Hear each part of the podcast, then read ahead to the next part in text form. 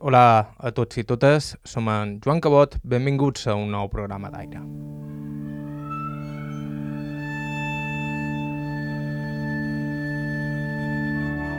Hi va haver un temps en què fent feina a la ciutat de Palma hi havia quasi tants d'endritxols com llonguets.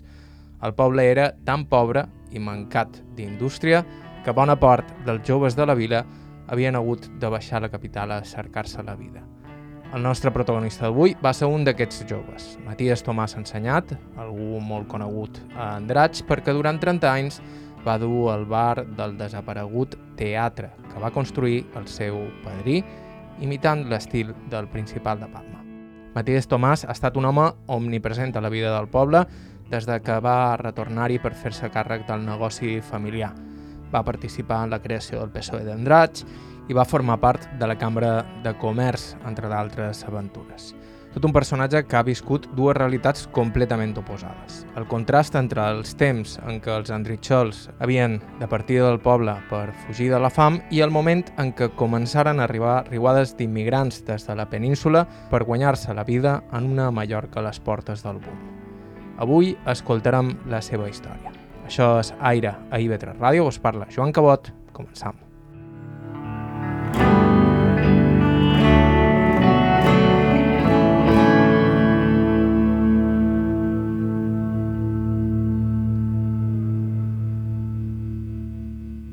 I ho feim amb les presentacions. Aquesta és Matías Tomàs Ensenyat, Andritxol, de cap a peus. Som en Matías Tomàs Ensenyat, natural, d'Andratx, i vaig néixer el 34, el 7 de febrer del 34.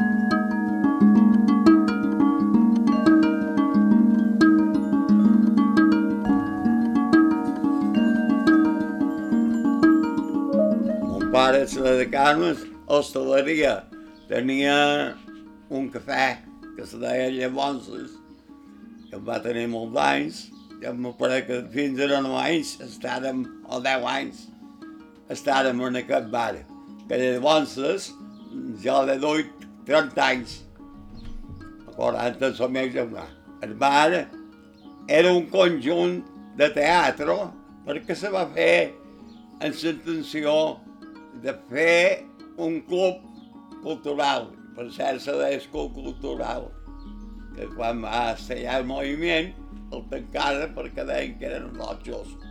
I era mentida perquè hi havia de tot.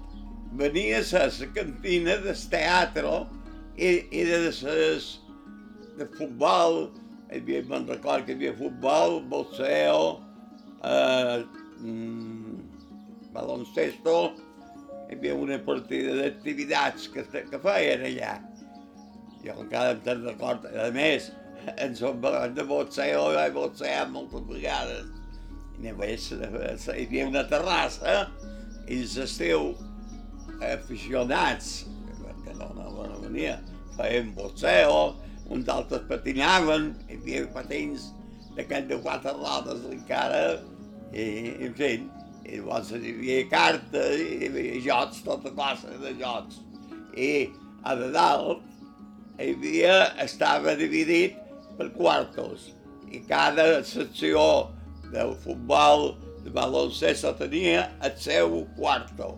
Això ho tingueren fins que, que ja me van retirar, que van vendre el teatre, perquè el teatre eren de molts.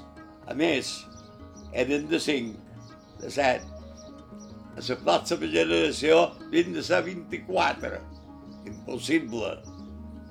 Varen mirar de vendre-lo que comprés el Consell per mèrit de Baltasar Porcel, que, que era molt amic meu, i també per aquell escriptor Camilo José Camilo José Sesta. Va venir a Bordeaux seu fill i altres l'assumptor. Va quedar mort. En, en teatre que hi havia mil, mil i pico persones. Era igual que el teatre principal, no, un poc més petit, perquè llavors també llevaren els palcos de, cada costat, perquè aquí en no tenia utilitat. Matías Tomàs era ben petit quan va esclatar la Guerra Civil, però així tot recorda amb una gran precisió alguns detalls d'aquells dies.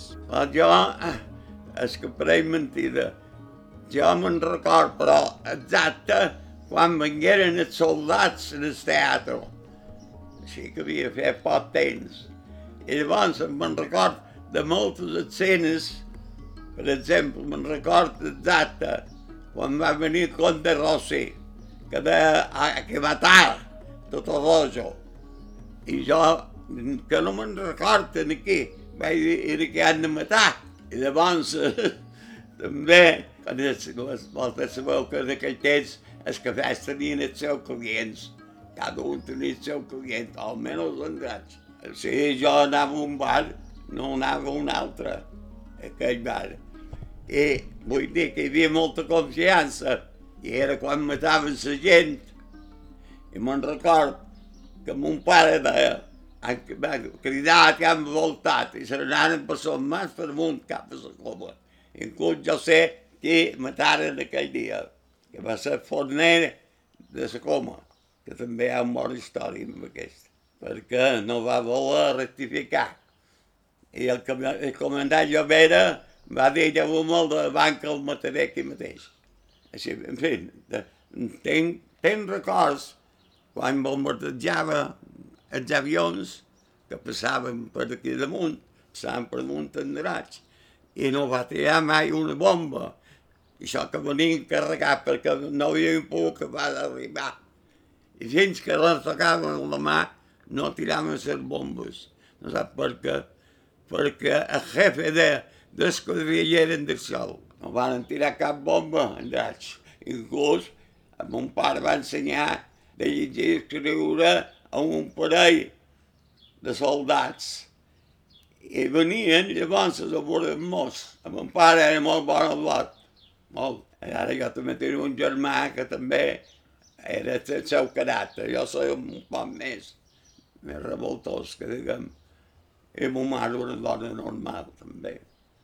Tot el que tenien eren tant un com l'altre bastanta cultura, que a nosaltres els meus va ens ensenyaren, per exemple, jo era un lot de 15 o 16 anys, o més, més jove, i sabia quasi totes les novel·les, inclús òperes.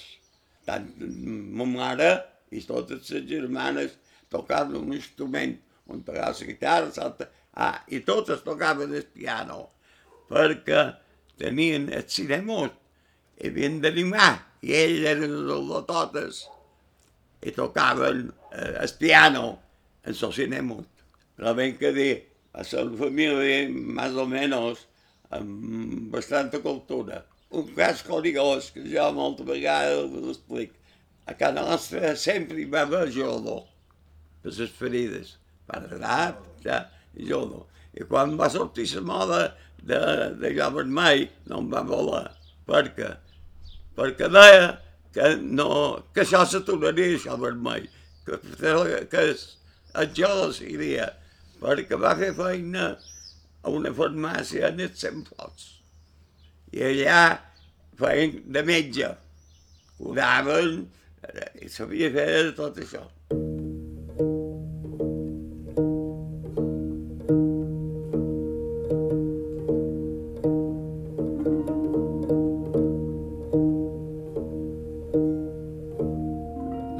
Per la cultura li venia també per part de mare. De fet, va ser el seu padrí qui va construir el teatre, un negociant que havia fet fortuna a les Amèriques i va tornar-ne amb esperit emprenedor. El meu padrí, que és el que va fer el teatre, va venir de l'Argentina. Primer vengué aquí, se casar i se anar a l'Argentina. I ella va tenir un negoci que llavors vengué aquí que se va fer famós. El que avui són els supermercados, ell ho tenia. I va fer dos bes per fer teatre. Però els, els botiguers estaven enfadats amb ell perquè en aquell temps estaven moltes arengades. Bacallà i arengades era el plat i arròs. I ell ho duia en gros. I clar, els d'aquí anaven a cap bacallaner i comprava mig dotze de bacallars, per exemple. I l'altre anava a comprar roba perquè venia de tot, eh? allà de, tot. Ell deia que avui el que, lo que, que demanen ha de ser. Era un tio... Els, els botiguers estaven enfadats perquè ell venia a les dringades més barato que ells compraven a cap bacallarer, perquè se n'anava a, a Palma cada setmana i se n'anava a cap bacallarer. Què tal? Oi, l'hem amussigat. Ara tenc una partida de bacallà a tal preu i si me'n doi molt, ho posaria tant. I quan tenia el càrrec, això, carregava de bacallà. Feia, feia aquestes coses. Mira, si era intel·ligent, que tots els al·lots hi havia les begudes que agafaven cadeneres. I ell les cadenera tant, pam, pam, dels cèntims, del que sigui. I llavors, aquella anava en Sofia, ja, una cadernera, i deien, la mamà ja està loco, compra les caderneres, i llavors els regala. Nyeta, havia de comprar la gàbia, tal, el menjar, i tot això. I llavors sempre tenia els llums encurçats que el llum que tens. Havia que feia llums suyes. I pagava un manat de, de, de, de 50 o 60 i el se penjava d'or portal. Les dones quan pagaven, quan passaven, ai, ai, eh, no hi pensaven en l'institut. I a les dones els hi han de fer pensar les coses. Arròs anava i venia carregat d'arròs. Posava tres sacs de l'arròs que hi havia. Anàvem a maciar perquè tot, dones estaven mortes per ell. I que l'arròs oh, era molt abandonador. Aquest, a cap preu, a cap preu i cap preu.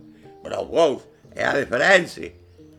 I, i clar, aquella dona que comprava més car que ell mateix. Era, era, per això va fer molt de. A ses ties, perquè tenia cinc ties i ma mare, xerraven d'ell i això, i tota vegada seguts, perquè aquí mon pare, mon pare va, primer va fer això, i va fer això, i va fer això. I dic, ara figura't, jo que diguéssiu dat una miqueta d'ajuda, cada un el que hagués pogut arribar a fer perquè no n'hi no havia cap que volgués fer res. Tenia tres fills, tres vaines, i les filles no vaines, però senyoritats. Vol de tenir empleats. I se n'anava cada setmana a Palma, amb una saneta. Ah, això també, també això. Uh, amb una saneta. I se n'anava a l'hora de dinar per bord, se seia perquè el cotxe sortia a les tres, també n'hi havia un, d'aquí sortia a les set i mitja i tornava a les tres. A migdia tancaven tots, totes, totes les bars, les tents i tot això. I ell se n'anava en el born i duia pa, una tortilla i allà dinava. Ells van fer teatre a mitges amb una altra sessió, que ja coneixia de la Argentina també eren del sol. Però aquell, el negoci no li anaven bé. I va dir, Matías, jo me tendré que marxar, a veure si me repongo, i he de vendre el teatre. Era el temps de la guerra i tot el que s'enjava. Va sortir una companyia de Madrid per comprar teatre, per tomar-lo de ferro, perquè estava era tot de ferro, tot l'andàmia fort era de ferro, havia molt de ferro. Bé, llavors no queda més remei. Li sabia molt de greu perquè se'n va anar a conversar amb el senyor de, de, de, de Son Mas, que era director del banc Escrèdit. I li va, li va dir, home, Matías, perquè com saps, mig Mallorca i mig castellà, perquè aquest senyor també havia estat a l'Argentina. Tu, tu sabes que tienes crédito. Le va dir que necessites, dic tant. I li va donar i se va per dos mesos assassinats a la saneta, tapats amb una servilleta i partir cap a Palma, a Can Notari. Allà, bueno, de ser i tal, fins que tot em va tenir tot dit. Va dir i, i en, el, en el notari, i jo per aquest don veig que no puc comprar. Sí, primer, primer sou vos, primer sou vos. I va, va a la neta, i de va a la servilleta, pam, pam, pam. Era un tio, no anava mai de qualsevol manera. I el teatre el va heredar la vostra mare? Cinc eren. Va haver un tio que se va morir i aquesta part encara hi havia la padrina i se va morir. I llavors havia dos que estan a l'Argentina, dos mascles. I d'aquí eren tres. Sí, que eren cinc, va quedar en quatre. Entre les germans d'aquí compraren la part a un tio, a un fill, perquè no va fer bon ningú, va repartir. I l'altre vengué, però aquest tenia un poc, la part un poc més petita, perquè aquest no va, no va comprar. I vos ho vareu dur 30 anys. Com va canviar al llarg dels anys? Hombre, llavors el cafè, en aquell any va fer molta feina, perquè es va ser el cafè de moda. En aquell temps fèiem variats. No t'he dit res més. Cada setmana, 10 caixes de botellín de 100 botellín cada un, si podríem. Perquè te facis una, una idea. I més, descansos, les entrades, això, els descansos, com els envadien no tenien mans per, per, per cobrir. No tenien mans per cobrir. Un any, per les festes Sant Pere, vaig estar tres dies, o tres de nit sense dormir. Per anar a festejar per no dormir-me. I tancàvem, tancàvem, omplien les geleres, perquè tot s'anava, omplien les geleres i tornàvem a obrir. El matí no tenia mai son. I el duien la dona i jo. Quedava a dormir, però mentre no podia dormir, perquè ell, que estava allà, perquè no podia baixar, i voltava, se seia, i jo tot no el sentia. Fins que vaig dir vida, jo t'obriré i tancaré. I sort baixa, aniré a fer un pot de siesta. I obríem a les set i tancàvem dia a les tres, traient gent de fora. Era Matías Tomàs, Andritxol, nascut al 1934. En uns segons l'escoltant parlar dels seus anys com a cambrer a Palma i per tota Mallorca. Estau escoltant Aire a IB3 Ràdio, fem una breu pausa i continuem.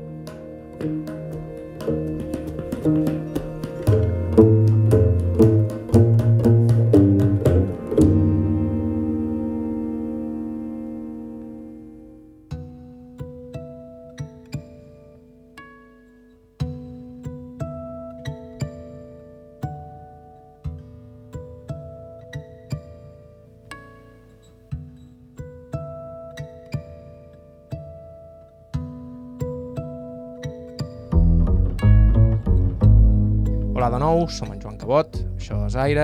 Abans de continuar, un ràpid recordatori. La millor manera de no perdre's cap programa d'aire és subscriure's al nostre podcast, que trobareu qualsevol dels serveis disponibles. I també comentar-vos que sempre estem cercant testimonis interessants, així que si ens voleu proposar alguna entrevista ens podeu escriure a aire.ib3radio.com aire.ib3radio.com El protagonista d'avui, Matías Tomàs d'Andratx va ser un treballador incansable, va dur el negoci familiar, el cafè del teatre, durant 30 anys, però aquesta només va ser una de les seves moltes facetes. Tomàs ha fet moltíssim, un fet destacable si es té en compte que no és que precisament fos un bon estudiant. Tenia el cap molt fotut, no anava a estudiar. Jo només vaig anar un parell de mesos a l'escola pública. Si no, anava a una acadèmia de don Jaume Espotecari, que li deia. I jo tenia vuit anys, no tot tenia. I que encara no sabia ni llegir. I vaig tenir tota la família de mestres. Sa mare, ses germanes, son pare, tothom m'ensenyava coses i com podien, un dia venia un, un dia venia l'altre, però vaja, m'ensenyaren, però mm, no anava molt d'això. Però, quan vaig anar a Palma, hi havia Apostolada del Mare, això dels pescadors, l'escola dels pescadors. I hi havia un, un capellà que era el director de l'Inclusa, molt, molt bon home, un home gran, fort, duia la sang, encara així, tot sol, amb un, amb un, un control a cada banda, era d'aquest capellà. I el senyor ho arreglaren i vaig fer estudiar en, el, en el Passola del Mar. Aquí va ser quan jo vaig obrir una miqueta. Llavors, quan me vaig anar d'aquí, vaig anar a aprendre de francès. Quan vaig estar, més o menys, que ja me, me pensava bé en francès, vaig anar a anglès. Fins el dia antes de casar-me. Vaig anar a anglès, perquè jo m'interessava aprendre, perquè aspirava. Que, per cert, quan venguérem aquí, descat de mig any, venia el senyor que havia d'anar de mestre allà. Jo ja, ja feia de segon, també no ho he dit. Jo allà estava de segon. Tenia els camarers que havien estat camarers meus, els baixos meus, els, que era, que era una, una punyeta, perquè n'hi havia un que trencava un poc, i altra vegada s'entregava gat.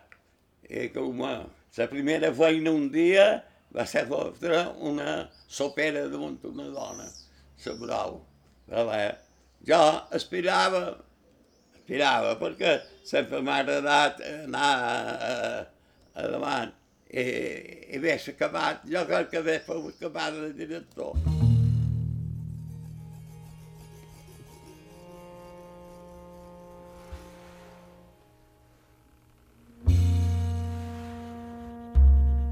Aquesta aspirar, juntament amb els rigors de la postguerra, va ser el que va fer que Matías Tomàs, com tants altres joves d'Andratx, es traslladés a Palma a cercar feina. En el seu cas, quan encara era un nin, amb 13 anys, i deixant enrere un poble que encara era poble. Doncs eh, era poble. El veïnat era igual que família.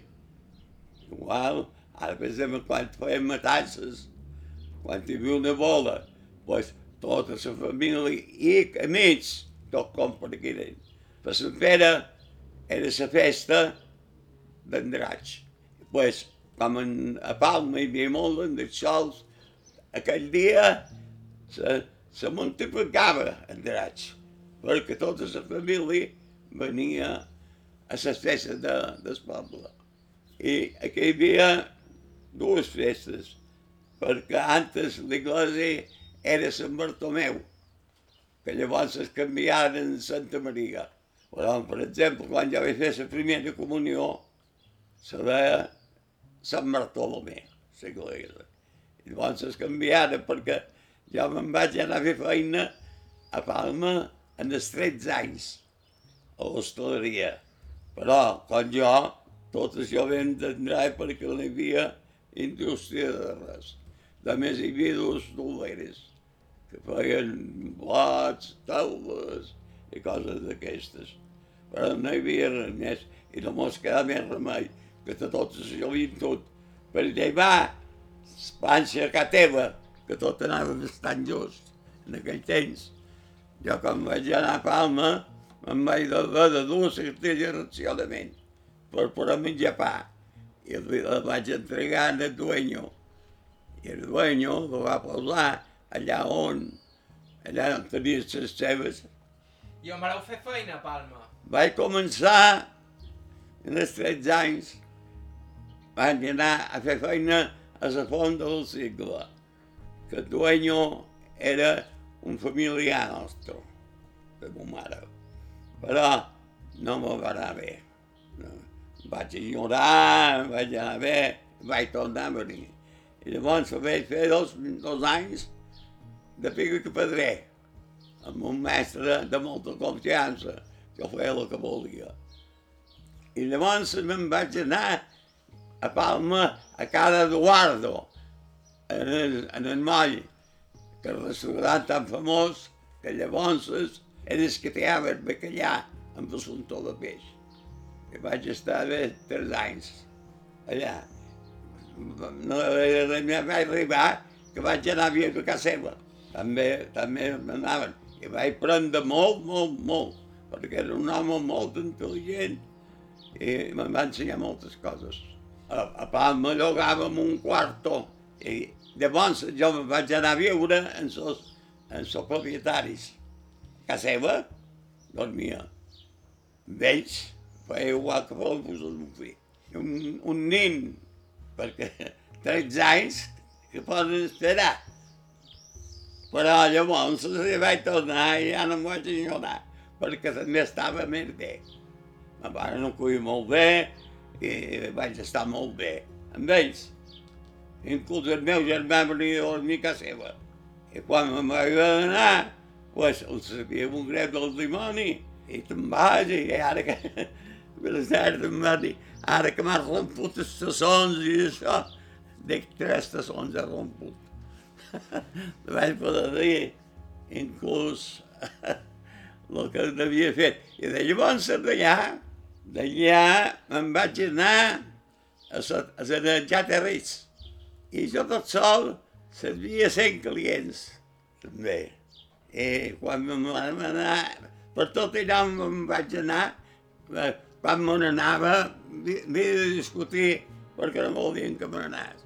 Me faria més jo deia, ah no, jo ho faig per aprendre. De ja Territs vaig anar a Salzina. Sota l'Alzina quan era sota l'Alzina. I de sota l'Alzina llavors vaig passar que fa també feia el que volia. L'amo, el senyor, me deia que era un anarquista, perquè allà jo feia el que em dava gust i gana no se parlaven jo ni. I deia, tu que ets un anarquista, perquè aquí tens tot el que vols, fas el que dona la gana, i quan hi ha un poquet, perquè quan començava eh, te'n vas en, en sos altres. sí, me'n record. Doncs d'allà vaig passar en el Rigel. I del Rigel, perquè jo encara estava d'isolant, jo encara estava d'isolant de camarer, de saló. Vaig anar de camarer en el hotel Cursal. Són nedants. Vaja, són nedants. Eh, Santa Catalina, saps on estava? L'hotel Cursal. Bueno, ara quan puges de la mà, del port, per amunt, no hi ha l'edifici enfrente, que, que és encara teu, pues allà. Vaig estar de vez un any i pico. Llavors d'aquí me vengueren a cercar per anar de camarer a Cala Ratjada, a l'hotel Sant Moll, que van començar a venir els alemans. I me vaig anar allà, i en els dos mesos o tres, el, el senyor de l'hotel, el director, el mestre i el conseller vengueren a dinar, jo no vaig saber res, vengueren a dinar. I ens va parlar en el turno, i, uh, i clar, ja vaig servir normal. I quan va acabat, el senyor, que ja el coneixia, per dir de feina, diu, ha de venir nosaltres de camarer teu. Home, ja fa tres mesos que som aquí i, i a la temporada, diu, nosaltres ja hem començat amb el senyor, un tal don Joan. I així vaig tornar a passar en el regel de camarer. Després va passar que ja duia el teatre, la programació de cine i tot això, ho duia jo, en els 16 anys. I ma mare havia de venir a Palma per firmar els contractes, perquè jo no podia firmar. Ma mare és empresari. I quan ja estaven un poc retirats, se va buidar el cafè, aquest cafè que jo te dic, i van fer un celler, ens compràrem una finca i fèrem un celler. I com eren dos mascles, dos germans i un cosí, que per dolor agrupat i tot, vam de fer una societat i fèrem una societat.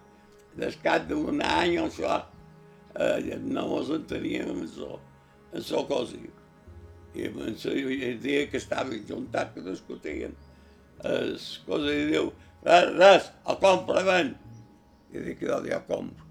Perquè se pensava que no tenia fondos. I no en tenia, però tenia costats. Diu, però això ho hem de fer demà, ho hem de fer demà. I tot ve d'un altre. Sí, sí.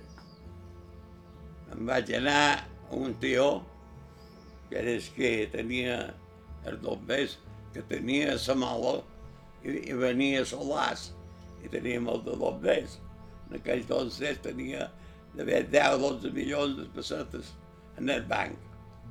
I van entrar els bombers i antes de les 12 pagàrem i, i traguérem el codi. I seguiguérem dos germans. Jo duia el bar i ell duia la banda del cine. Perquè molt, ell era feia també de operador, dèiem, nosaltres dèiem operador de cine. En la sarsuela, aquí ha vengut artistes bons, en Bosch, Mairal, han vengut a la partida. I segon diuen que el duia el meu padrí, que és el que va fer el teatre, encara va dur coses molt més bones. I nosaltres, quan jo vaig entrar, fèiem més que cine. Ser el moment que els cines estaven així, cada sessió omplíem. Jo de petit ja anava amb ma mare amb ella a les cases i sabia tot com anava. I ma mare pues, se va com a retirar. Era, era el propietari i l'empresari. Però quan jo estava a Palma, pues jo li duia totes les accions. Ella només firmava els contractes. Que per cert, va ser quan van fer l'últim complet, va ser el bom, en la, en la llista, perquè feien una llista. I havien d'agafar tota la llista, bones o dolentes. Hi havia 30 pel·lícules, 30 pel·lícules, i no n'hi havia cap que valgués res de res. I ma mare, això, l'últim complet, i l'últim complet, te semblarà greu si ho fem, perquè fotrat la temporada. Perquè llavors has de pagar les pel·lícules cares i són una merda. Són de complement, nosaltres dèiem, un complement, perquè feien dues pel·lícules. I així va ser. L'últim complet molt bé, però tot l'altre, el meu, i no n'hi havia cap que volgués res. Llavors vos agradava el cine? Ui, hi havia dies que em veia 4 o 5 de pel·lícules. Tot m'ho passava. Encara ara, només surt una fotografia de tal pel·lícula. Jo sabia totes de què anaven. I llavors encara una altra. Jo coneixia tots els empresaris de Mallorca i jo sabia que de, la que, que amb aquesta barca, aquesta que... I anava de tu, i aquesta pel·lícula com te va anar? Bé, bé, molt bé, salta, mm, jo sabia, controlava tot, però jo havia començat en els 13 anys a anar amb ma mare als pel·lícules, perquè el dia que jo tenia llibre, ma mare venia a Palma i anàvem a pagar i a programar i, i això. Com eren en el cine abans? Va haver un parell d'anys que era allò, allò era, no nosaltres, per tot, estava així sempre. Nosaltres aquí vam arribar a fer cine quasi tota la setmana. I diumenge, tres funcions i cada diumenge, segons la pel·lícula, un de matinal. Aquí tinguérem la sort, que també era quan van venir a tenir solars, la zona de peninsular, perquè en devia ser la primera banda que vengueren. I començaren a venir i els enviaven a cercar la família. N'hi havia un, un cas curiós. I va dir a un, cosí, venid a Mallorca que comemos pan tierno cada dia. Un altre que se va quedar sonant de colchones.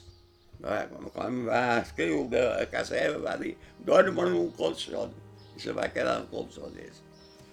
I vengué tota la família, tota, perquè també hi havia que van fer la carretera Andrats Estellans i i tothom els duien allà i com més gent tenia millor. Aquesta mateixa població seria la que prest es posaria a treballar als hotels que es començarien a construir a la zona de la costa del terme, especialment a Peguera. Jo he conegut a Peguera tres cases, no hi havia res més. Hi havia l'hotel Malgrat i el Cas Carter, l'hotel Playa. No hi havia res més. A Can de Mar només hi havia silleta i una casa que li deien Casa Japonesa, que era un xalet d'una japonesa. I l'hotel gros que diuen que, que era com un xalet, un xalet un poc gros. I aquest, aquest hotel, gran hotel, gran hotel Can de Mar, era de idea de Formentor. Perquè el que va fer l'hotel, la meva dona, havia fet de camarera a l'hotel Formentor i se va casar amb un tio, amb bitllets, i la idea era fer una espècie d'hotel Formentor, que realment ho era. Tots molt de, de clients bons venien a Can de Mar. Jo vaig conèixer quan estava a l'hotel, a l'hotel no, en el restaurant, en el segle, que he dit, era quan començà la feina. A Palma hi havia l'hotel Balear, i els clients, molts clients venien a la sonda, un hotel, i el senyor del restaurant els enviava en l'hotel Balear a aquesta altra cara per mi el tomaren, Perú, que estava a la plaça de Soli. Era molt diferent. Era tan diferent, tan diferent. Jo encara me crec que és record. El vespre, per exemple, feia brusca, aquelles donetes que repartien l'última hora. L'última hora! És la llista de racionament. Això me va quedar. I, i repartien per allà. El, pe, el peix igual, moncarrets, dones, homes, eh, i s'aturaven a cap de cantó i, i, i les dones anaven a mirar el peix que duia. Aquí, me'n record també, com no, en un poble que no hi ha res, o no hi havia res, i venien carros carregats de, de menjar, venien carregats de melons, de, de cebes, d'alls, de patates, i voltaven principalment la gent anava a comprar. Que per cert, n'hi havia un que duia pomes, per exemple, o oh, duia pomes, i deia, ah, la dona, pomes, pomes dones. Deia que la dona de pomes. eh. Aquest poble contrasta amb la vila actual, un d'aquells llocs on s'han establert molts estrangers, transformant no només els carrers del poble, sinó també tot el paisatge que l'envolta. Un paisatge que Matías Tomàs coneix bé perquè l'ha recorregut gairebé pam a pam. Jo sempre he estat aficionat a l'agricultura i m'agradava molt saber les partions. Inclús anava a estimar un vi de vendre una finca i tres o quatre, de, perquè he estat també president del camp agrari de més de 50 anys, anar a estimar, que per cert, ho van haver de deixar quan començava això del bom de turisme, perquè tu feies l'estimació real, tant de madurers, tant de garrobers, tant d'això, tant d'això, produeix això, això se pot pagar tant. I a la darrer fèiem una estimació i si el mil veia valorat per 20.000 pessetes n'hi havien dat 40. I així van acabar. M'explico. I això de caminar, jo sempre els dic, jo per mi, a nins el terme d'Andrats, no hi ha mil metres que jo no he passat. Per tot el municipi d'Andrats. I d'altra banda, moltes vegades. Inclús de per, per fora, per, per Lluc, ho conec tot, tot, tot, tot, tot, tot. Per, per aquesta banda d'aquí també tot, tot. Ara, aquí, a nins d'Andrat no hi ha cap puig que no hi estat. Jo he partit el sol. I llavors vaig fer, en arribar a quatre, I llavors s'hi ficaven un parell de, d'estrangers que també venien a fer-lo. Doncs les cases de neu, tot, tot allò de per allà, tot, tot ho conec. Llavors es fent salta el lot, que el mestre d'escola, i quan va començar, els dos dugueren, els destinaren a Formentera, i no trigaran passar un mes. Vaig conèixer tot a Formentera, caminant, en bicicleta, en cotxe, tot. Llavors anar a lliça i també estar vaig córrer tot el lliça. Jo ja passava un gustet. A més de les excursions, en Matías només tenia un altre vici, un interès que arrossegava ja des dels seus anys de joventut a Palma. Jo vaig ser que va fundar el PSOE en drets. He estat 15 o 16 anys concejal. La darrera no vaig voler ser alcalde, jo mai he volgut ser alcalde. Però sí que comandava més l'alcalde. Perquè jo havia estat des, des, després, però a nits dels partits passen coses que no saps per què la passen. Se són totes que mos érem l'associació de poble més grossa de Mallorca. En guanyava a Inca, Manacor i tot això. Però vengué que per assumpte de, de llista van abandonar i van muntar independents. I, i vaig anar seguint concejal, dependent perquè no, no podia guanyar mai. El PSOE estava breats, però vengué un que estava en jo, diu, Matías, no deixis perdre aquesta de zona perquè, perquè era un home socialista també. I vaig dir, digueu-li en Macià que digui que serà jo. I estàvem breats. I vengué, i perquè aquí, perquè allà, i no. I Serracó també havia estat un concejal. I de Serracó, el jefe que diguem, que era del cafè, va dir, allà on aniràs tu, anirem nosaltres. Entre el PP i la mallorquina en tenien sis, n'hi faltava un perquè la majoria eren set.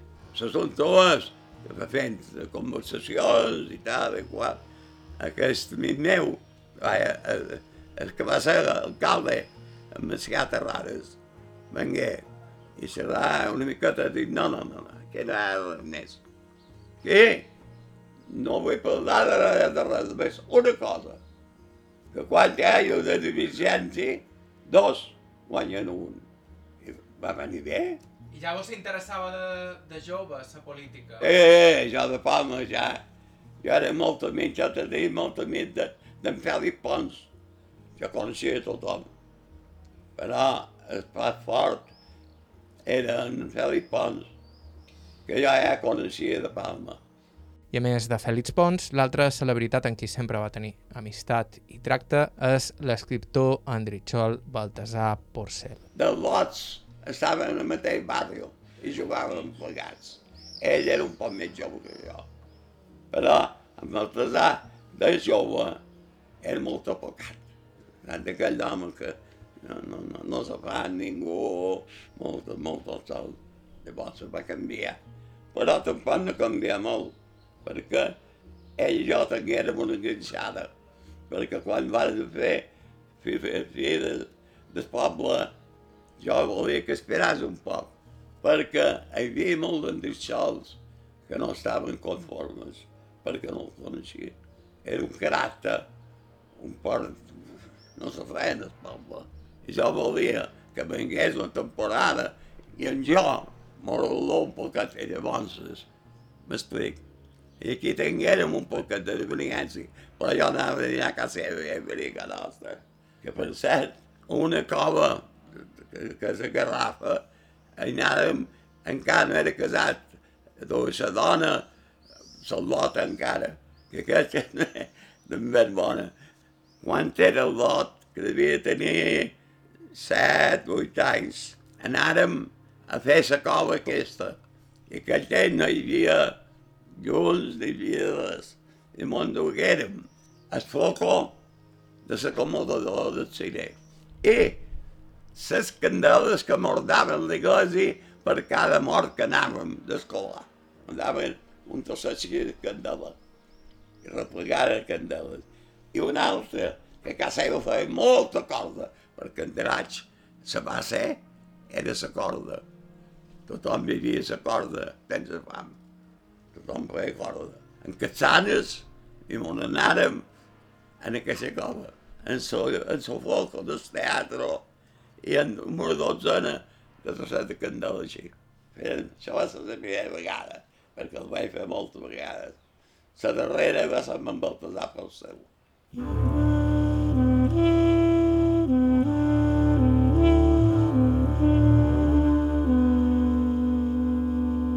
Fins aquí el programa d'avui. Moltíssimes gràcies a Matías Tomàs pel seu temps i amabilitat i moltíssimes gràcies al seu fill Biel i a Tomàs Mut, que va ser qui ens va facilitar el contacte. Si ens voleu proposar alguna entrevista, teniu a la vostra disposició el nostre correu electrònic aire.ivetradio.com Us convidam així mateix a que vos subscriviu al nostre podcast que trobareu a qualsevol dels serveis disponibles i a ivetres.org barra carta trobareu tot l'arxiu del programa. La música que ha sonat avui ha estat de Marisa Anderson, Joshua Abrams, Jaume Tugores i Charles Rumbach. Bàrbara Ferrer a la producció executiva, us ha parlat Joan Cabot. Gràcies per ser a l'altre costat i fins la setmana que ve.